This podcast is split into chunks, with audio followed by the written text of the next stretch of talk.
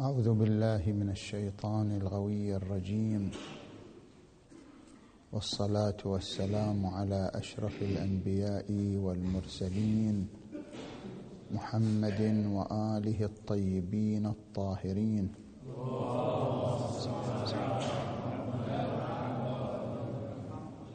ما زال الكلام في تفسير قوله تعالى الذين يقيمون الصلاة ويؤتون الزكاة وهم بالآخرة هم يوقنون. صدق الله العلي العظيم.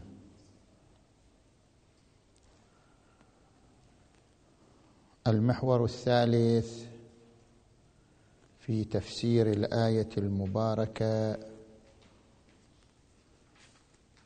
يتمركز حول عنوان اليقين الوارد في ذيل الآية المباركة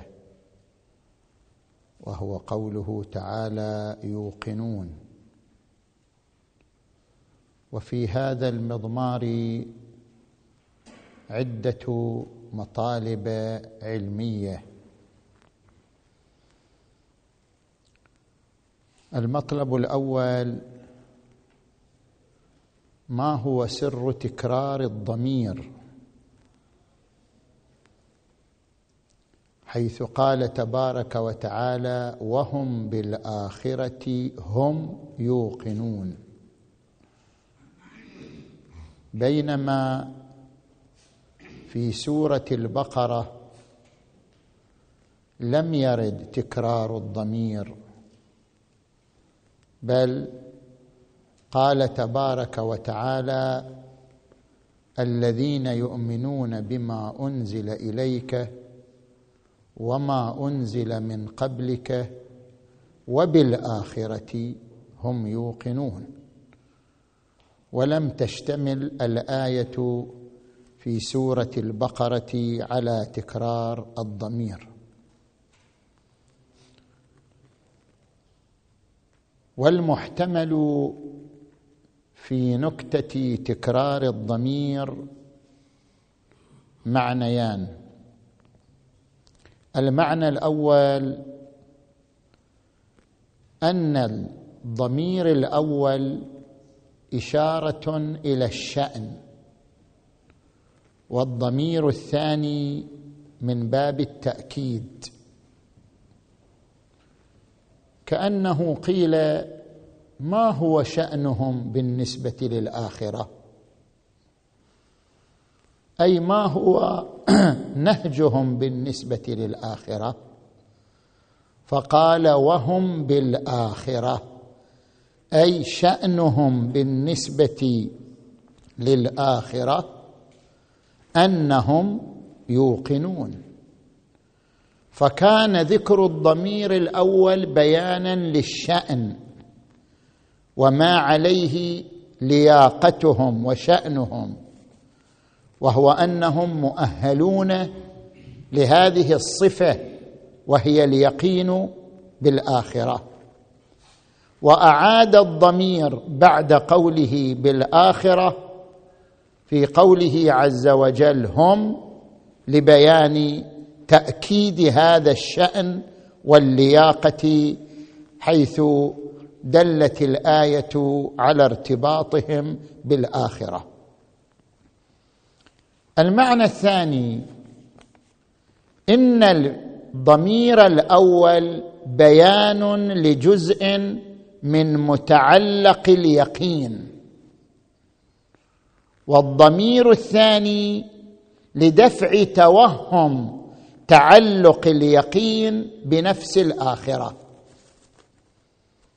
وبيان ذلك أن مفاد الآية بناء على هذا المعنى أن ما تعلق به اليقين هو أنهم في الآخرة. لا أن ما تعلق به اليقين هو الآخرة. بل تيقنوا بأنهم في الآخرة. لا أنهم تيقنوا بالآخرة.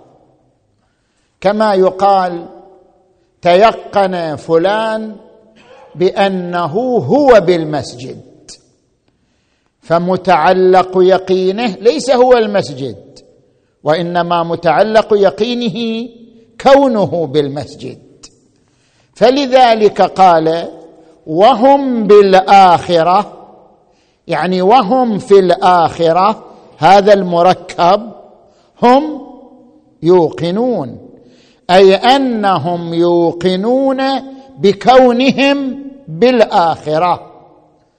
وهذا كناية عن شدة اليقين بالآخرة نفسها أن المكلف لا يتيقن فقط بأن الآخرة ستقع بل يتيقن بأنه في الآخرة أي أن الآخرة الواقعة واقعة أيضا وهو فيها وهو مرتبط بها وهم بالآخرة هم يوقنون يعني يوقنون بأنهم بالآخرة. نعم لا هذه مسألة ثانية. هذا هو المطلب الأول. المطلب الثاني لماذا ابتدأ القرآن الكريم في أوائل سورة لقمان بذكر صفة الموقنين بالآخرة؟ فقال وهم بالآخرة هم يوقنون. إن المنظور في هذا هو ملاحظة سياق سورة لقمان نفسها. فإذا لاحظنا سياق سورة لقمان نجد أن ذكر الآخرة وأحوالها والوعيد بها تكرر في سورة لقمان في نصف عدد الآيات. في أولها وآخرها حيث قال لهم عذاب مهين. قال فبشرهم بعذاب فبشره بعذاب أليم. قال لهم جنات نعيم. قال عذاب غليظ. قال إليه المصير. قال ما خلقكم ولا بعثكم إلا كنفس واحدة. وقال واخشوا يوما لا يجزي والد عن ولده. وهكذا. فبما أن سورة لقمان تمركزت حول ذكر الآخرة كان من المناسب أن يبدأ السورة بذكر صفة اليقين بالآخرة. فقال جل وعلا وهم بالآخرة هم يوقنون. المطلب الثالث في اليقين في الفرق بين اليقين والعلم. حيث تكرر في القرآن الكريم ذكر العلم وذكر اليقين. فما هو الفرق بين هذين العنوانين؟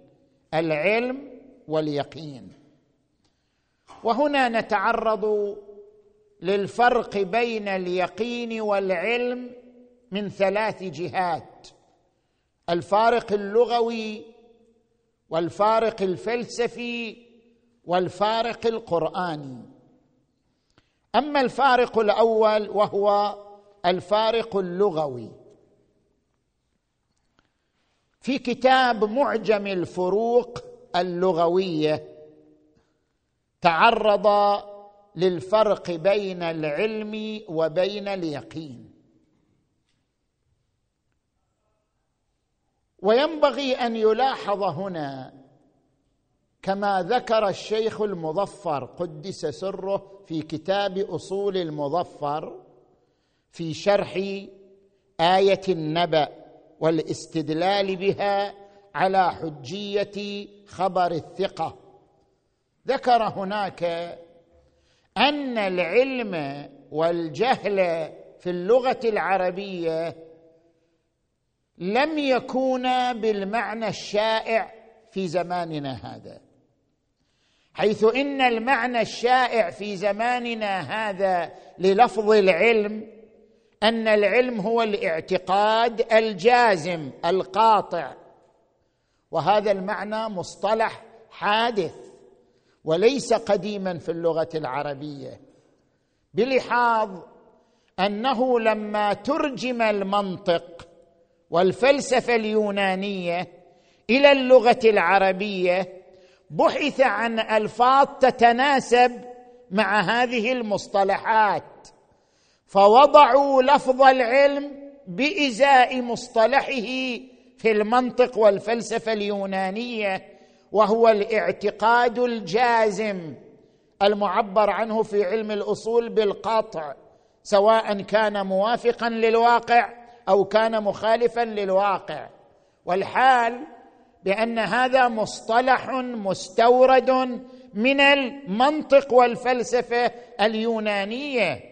وليس هو المعنى الذائع لدى العرف العربي آنذاك للعلم مقابل الجهل. وإنما معنى العلم مقابل الجهل في العرف العربي يعني الإشارة إلى أمرين. الأمر الأول العلم بمعنى الظهور والوضوح. ولذلك يطلق العلم على الجبل الواضح ويطلق العلم على الراية ويطلق العلم على اسم الإنسان لأنه بذلك يتضح ويظهر ويخرج من الخفاء.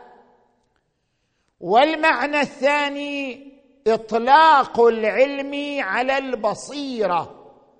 فيقال للإنسان ذي بصيرة أنه ذو علم ويقابله الجهل بمعنى السفة وعدم الحكمة والتخبط ولذلك ما ورد من هذه الألفاظ في القرآن الكريم كلفظ العلم والجهل. ينبغي أن يحمل على المعنى في العرف العربي قبل حدوث هذا الاصطلاح المستورد من الفلسفة اليونانية.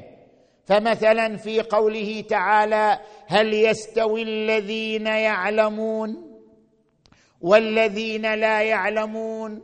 أو قوله تعالى فاسألوا أهل الذكر إن كنتم لا تعلمون. أو قوله تعالى إنما يخشى الله من عباده العلماء على العلم بمعنى الوضوح والبصيرة لا على العلم بمعنى الاعتقاد الجازم البات الذي هو مصطلح في الفلسفة اليونانية. هذا بلحاظ لفظ العلم. وأما بلحاظ لفظ اليقين فالعلم شأن من شؤون العقل واليقين شأن من شؤون القلب. فإن لدى الإنسان قوتين قوة العقل وهي القوة التي من شأنها الاكتشاف والاستيضاح وقوة القلب وهي التي من شأنها السكون والخروج عن الشك والريبة والحيرة فلذلك يكون العلم لأنه عبارة عن الوضوح صفة في العقل ويكون اليقين صفة في القلب.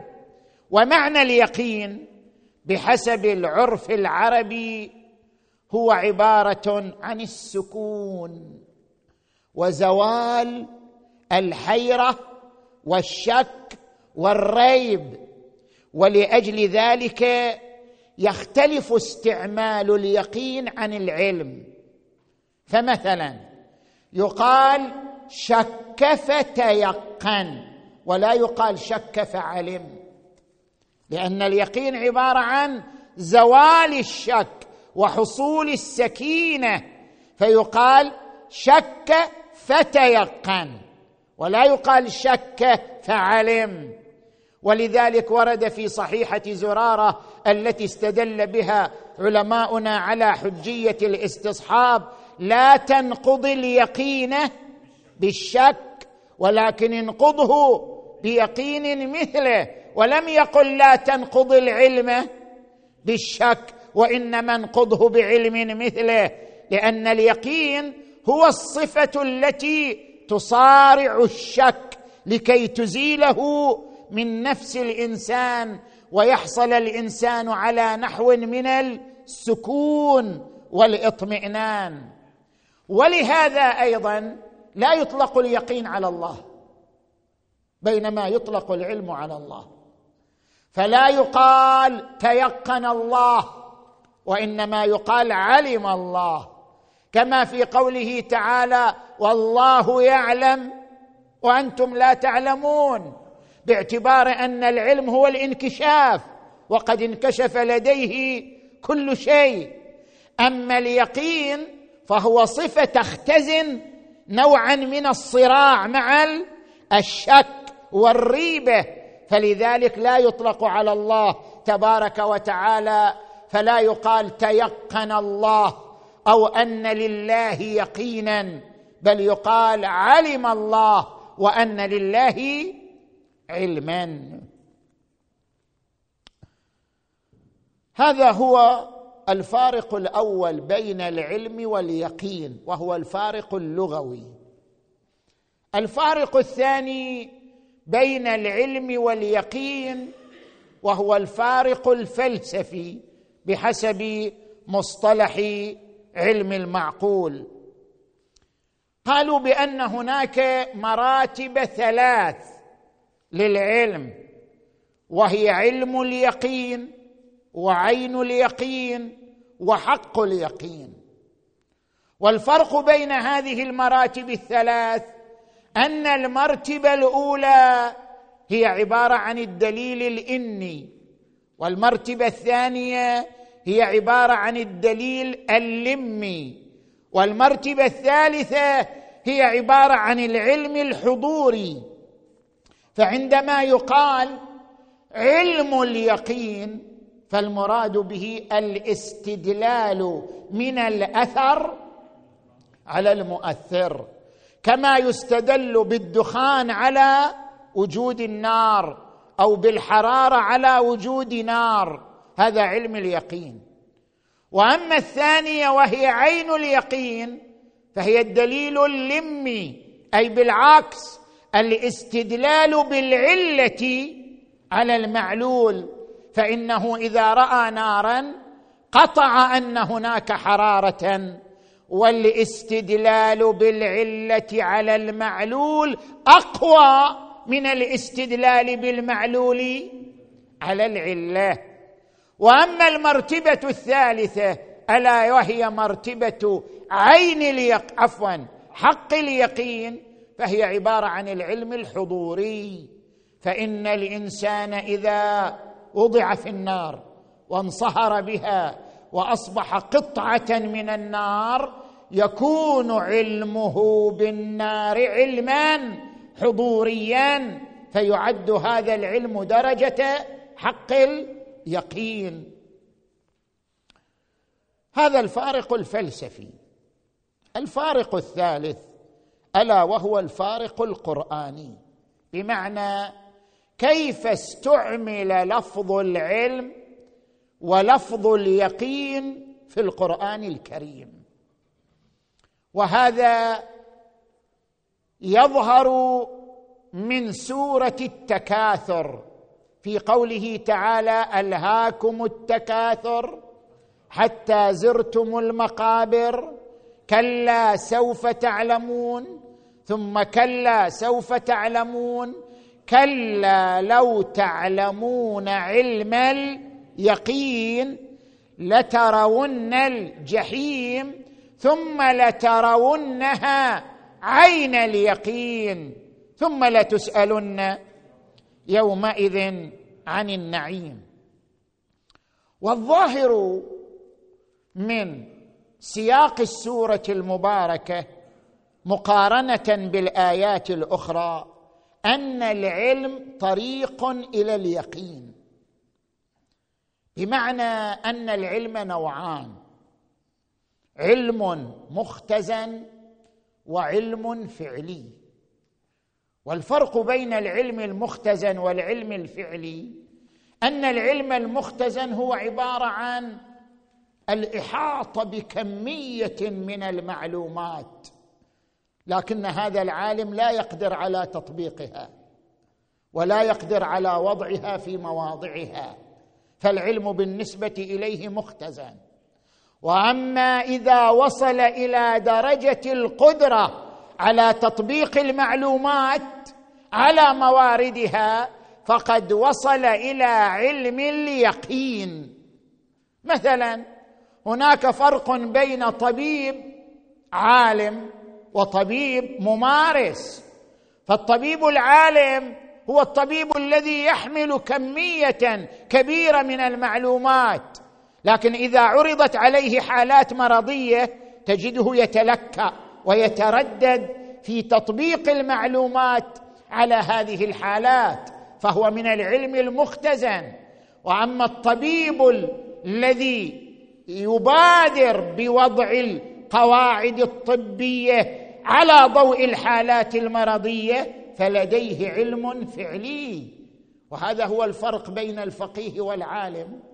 فإن هناك كثيرا يعيش في الحوزة سنين لا يخرج عن كونه عالم لأنه يحمل كمية من المعلومات لا يستطيع أن يطبقها على الفروع التي تعرض عليه بخلاف الفقيه فإنه هو الذي يمتلك مهارة في تطبيق المعلومات على الفروع والحالات التي تعرض عليه. ولهذا ورد عن الإمام أمير المؤمنين علي عليه السلام في نهج البلاغة العلم علمان علم مسموع وعلم مطبوع ولا ينفع المسموع دون المطبوع.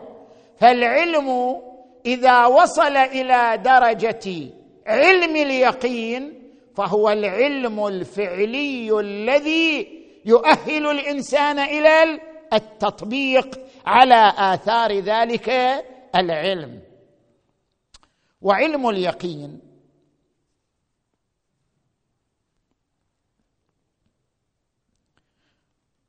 قد يتكامل حتى يصل الإنسان إلى اليقين نفسه.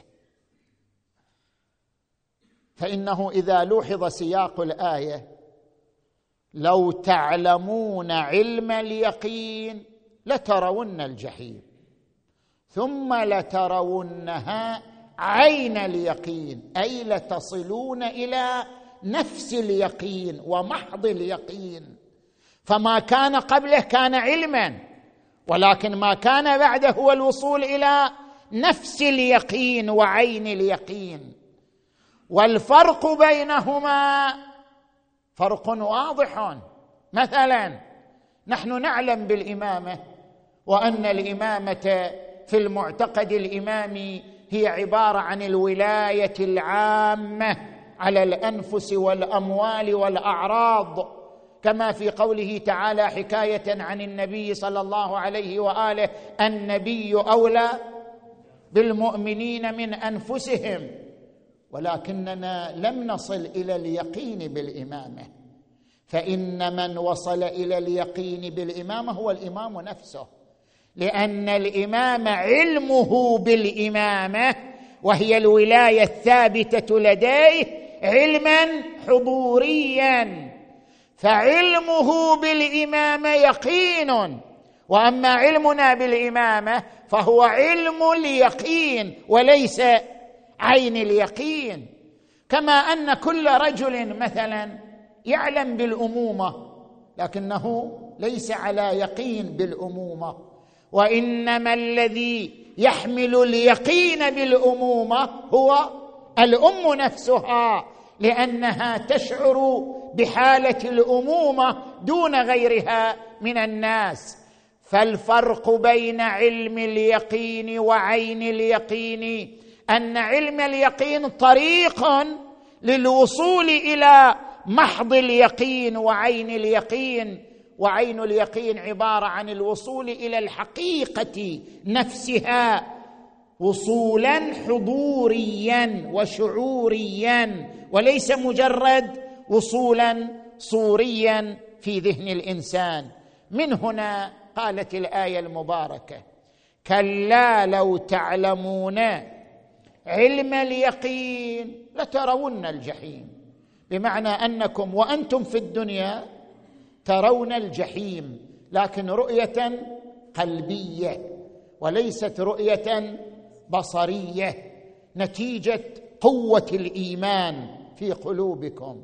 وإذا جئتم إلى الآخرة سيتحول علم اليقين إلى اليقين نفسه حيث يرى الإنسان بنفسه النار. كلا لو تعلمون علم اليقين لترون الجحيم ثم لترونها عين اليقين. ثم لتسألن يومئذ عن النعيم.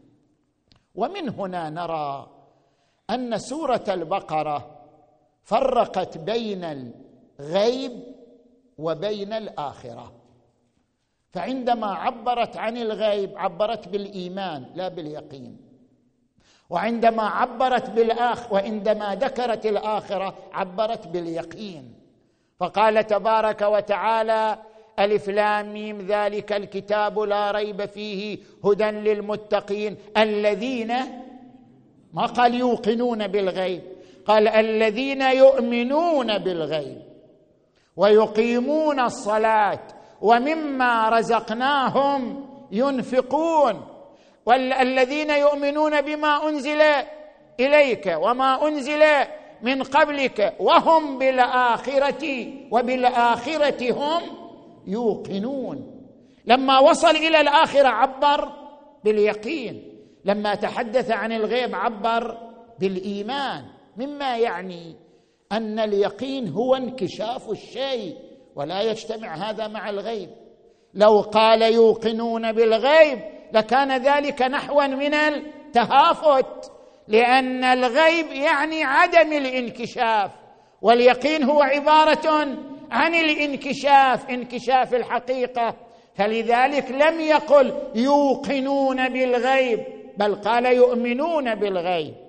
أما عندما وصل إلى الآخرة طبعا هناك رواية واردة في تفسير الغيب في هذه الآية المباركة في قوله تبارك وتعالى الذين يؤمنون بالغيب قال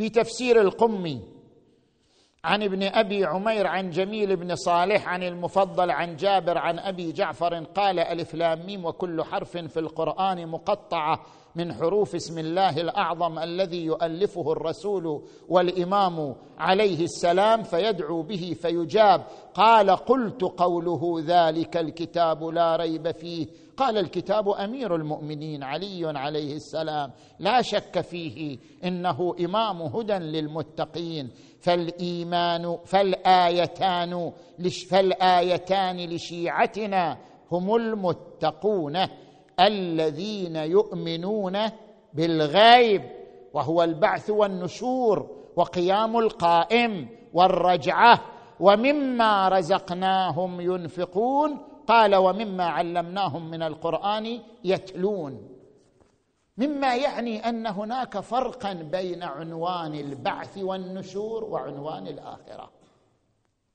فعنوان البعث والنشور فهو عبارة عن الصيحة والنفخ في الصور وخروج الناس من القبور بدون أكفانهم.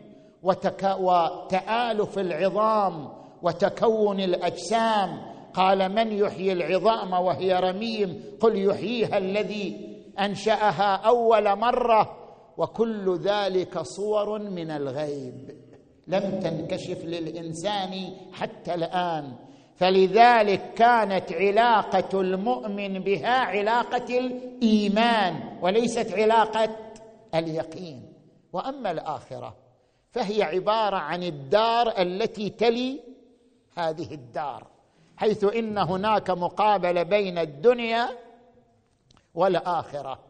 وعلامات الآخرة انكشفت للإنسان وهو في الدنيا فالموت أعظم علامة وأمارة على انتقال الإنسان من هذه الدار إلى الدار الآخرة.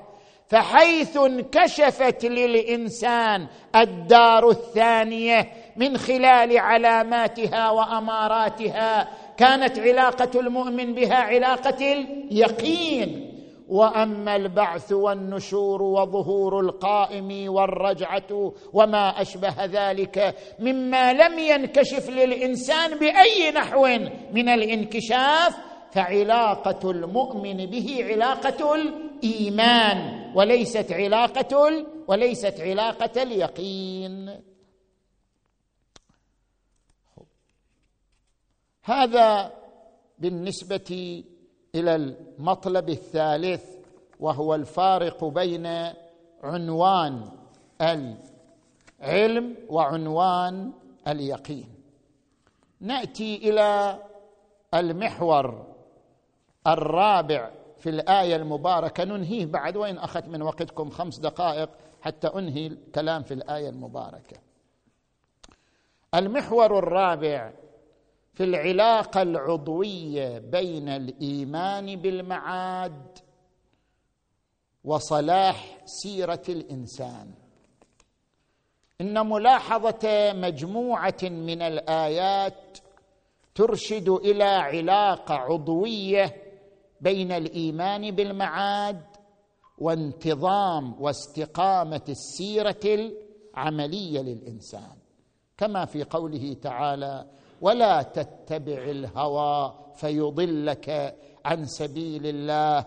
إن الذين يضلون عن سبيل الله لهم عذاب شديد بما نسوا يوم الحساب. فكأن الغفلة عن يوم الحساب سبب للوقوع في الذنوب والرذائل.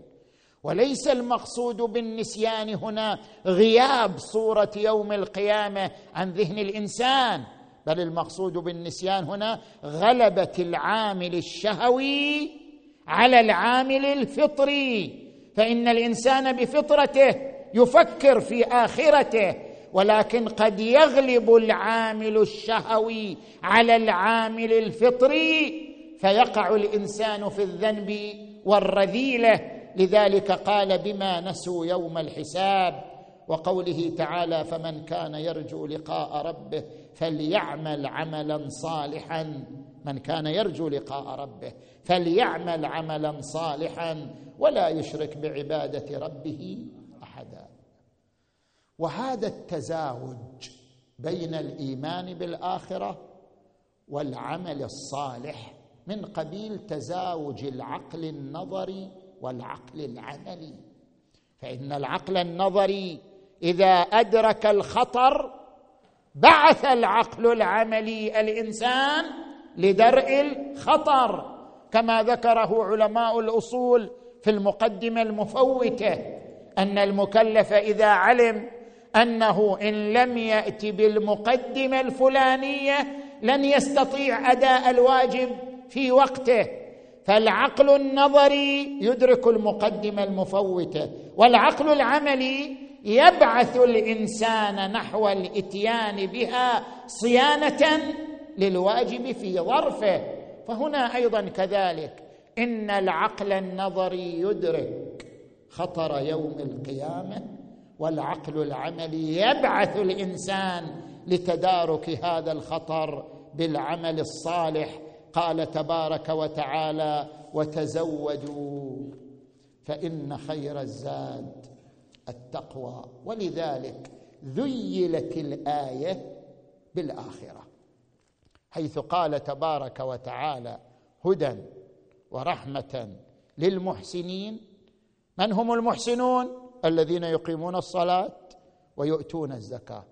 ما هو سر إقامتهم للصلاة وإيتائهم للزكاة. قال وهم بالآخرة هم يوقنون. فما ذكر في الذيل علة لما ذكر في صدر الآية بمعنى أن الباعث نحو العمل الصالح من إقامة الصلاة وإيتاء الزكاة هو اليقين بالآخرة. ولذلك ورد في زيارة الإمام الحسين عليه السلام أشهد أنك قد أقمت الصلاة وآتيت الزكاة وأمرت بالمعروف ونهيت عن المنكر إلى آخر الزيارة. فقد يطرح سؤال ما معنى أن يقال للإمام وهو إمام معصوم أنه أقام الصلاة وآتى الزكاة وأمر بالمعروف ونهى عن المنكر. بينما كثير من المؤمنين يقيمون الصلاة ويؤتون الزكاة ويأمرون بالمعروف وينهون عن المنكر. فليست ميزة خاصة بالإمام المعصوم كي يخاطب بها صلوات الله وسلامه عليها. لكن المقصود من هذه العبارة الإشارة إلى معنيين. المعنى الأول الكناية عن جامعية الصلاح بمعنى أنك جمعت كل أطراف الصلاح وكل مظاهر الصلاح من إقامة الصلاة وإيتاء الزكاة والأمر بالمعروف والنهي عن المنكر والجهاد. في سبيل الله فأنت في علاقتك مع الله تقيم الصلاة وفي علاقتك مع المال تؤتي الزكاة وفي علاقتك مع المجتمع تأمر بالمعروف وتنهى عن المنكر وفي علاقتك مع الدين تجاهد في الله حق جهاده فكل علاقاتك صلاح. فمن باب الكناية عن جامعية الصلاح ذكرت هذه الجملة في الزيارة. أشهد أنك قد أقمت الصلاة وآتيت الزكاة وأمرت بالمعروف ونهيت عن المنكر. المعنى الثاني الإشارة إلى أنه مصداق للآيات القرآنية وأن الحسين من أجل المصاديق للآيات القرآنية فقد ورد في قوله تعالى والمؤمنون والمؤمنات بعضهم أولياء بعض يأمرون بالمعروف وينهون عن المنكر ويقيمون الصلاة ويؤتون الزكاة. فمن باب تطبيق هذا المضمون القرآني على من هم القرآن الثاني وهم محمد وآل محمد صلوات الله وسلامه عليهم أجمعين جاء التأكيد بهذه الجملة في زيارة الإمام الحسين صلوات الله وسلامه عليه وآله الطيبين الطاهرين. إن شاء الله نتحدث في المحاضرات الآتية عن المناهج التفسيرية للقرآن الكريم والحمد لله رب العالمين.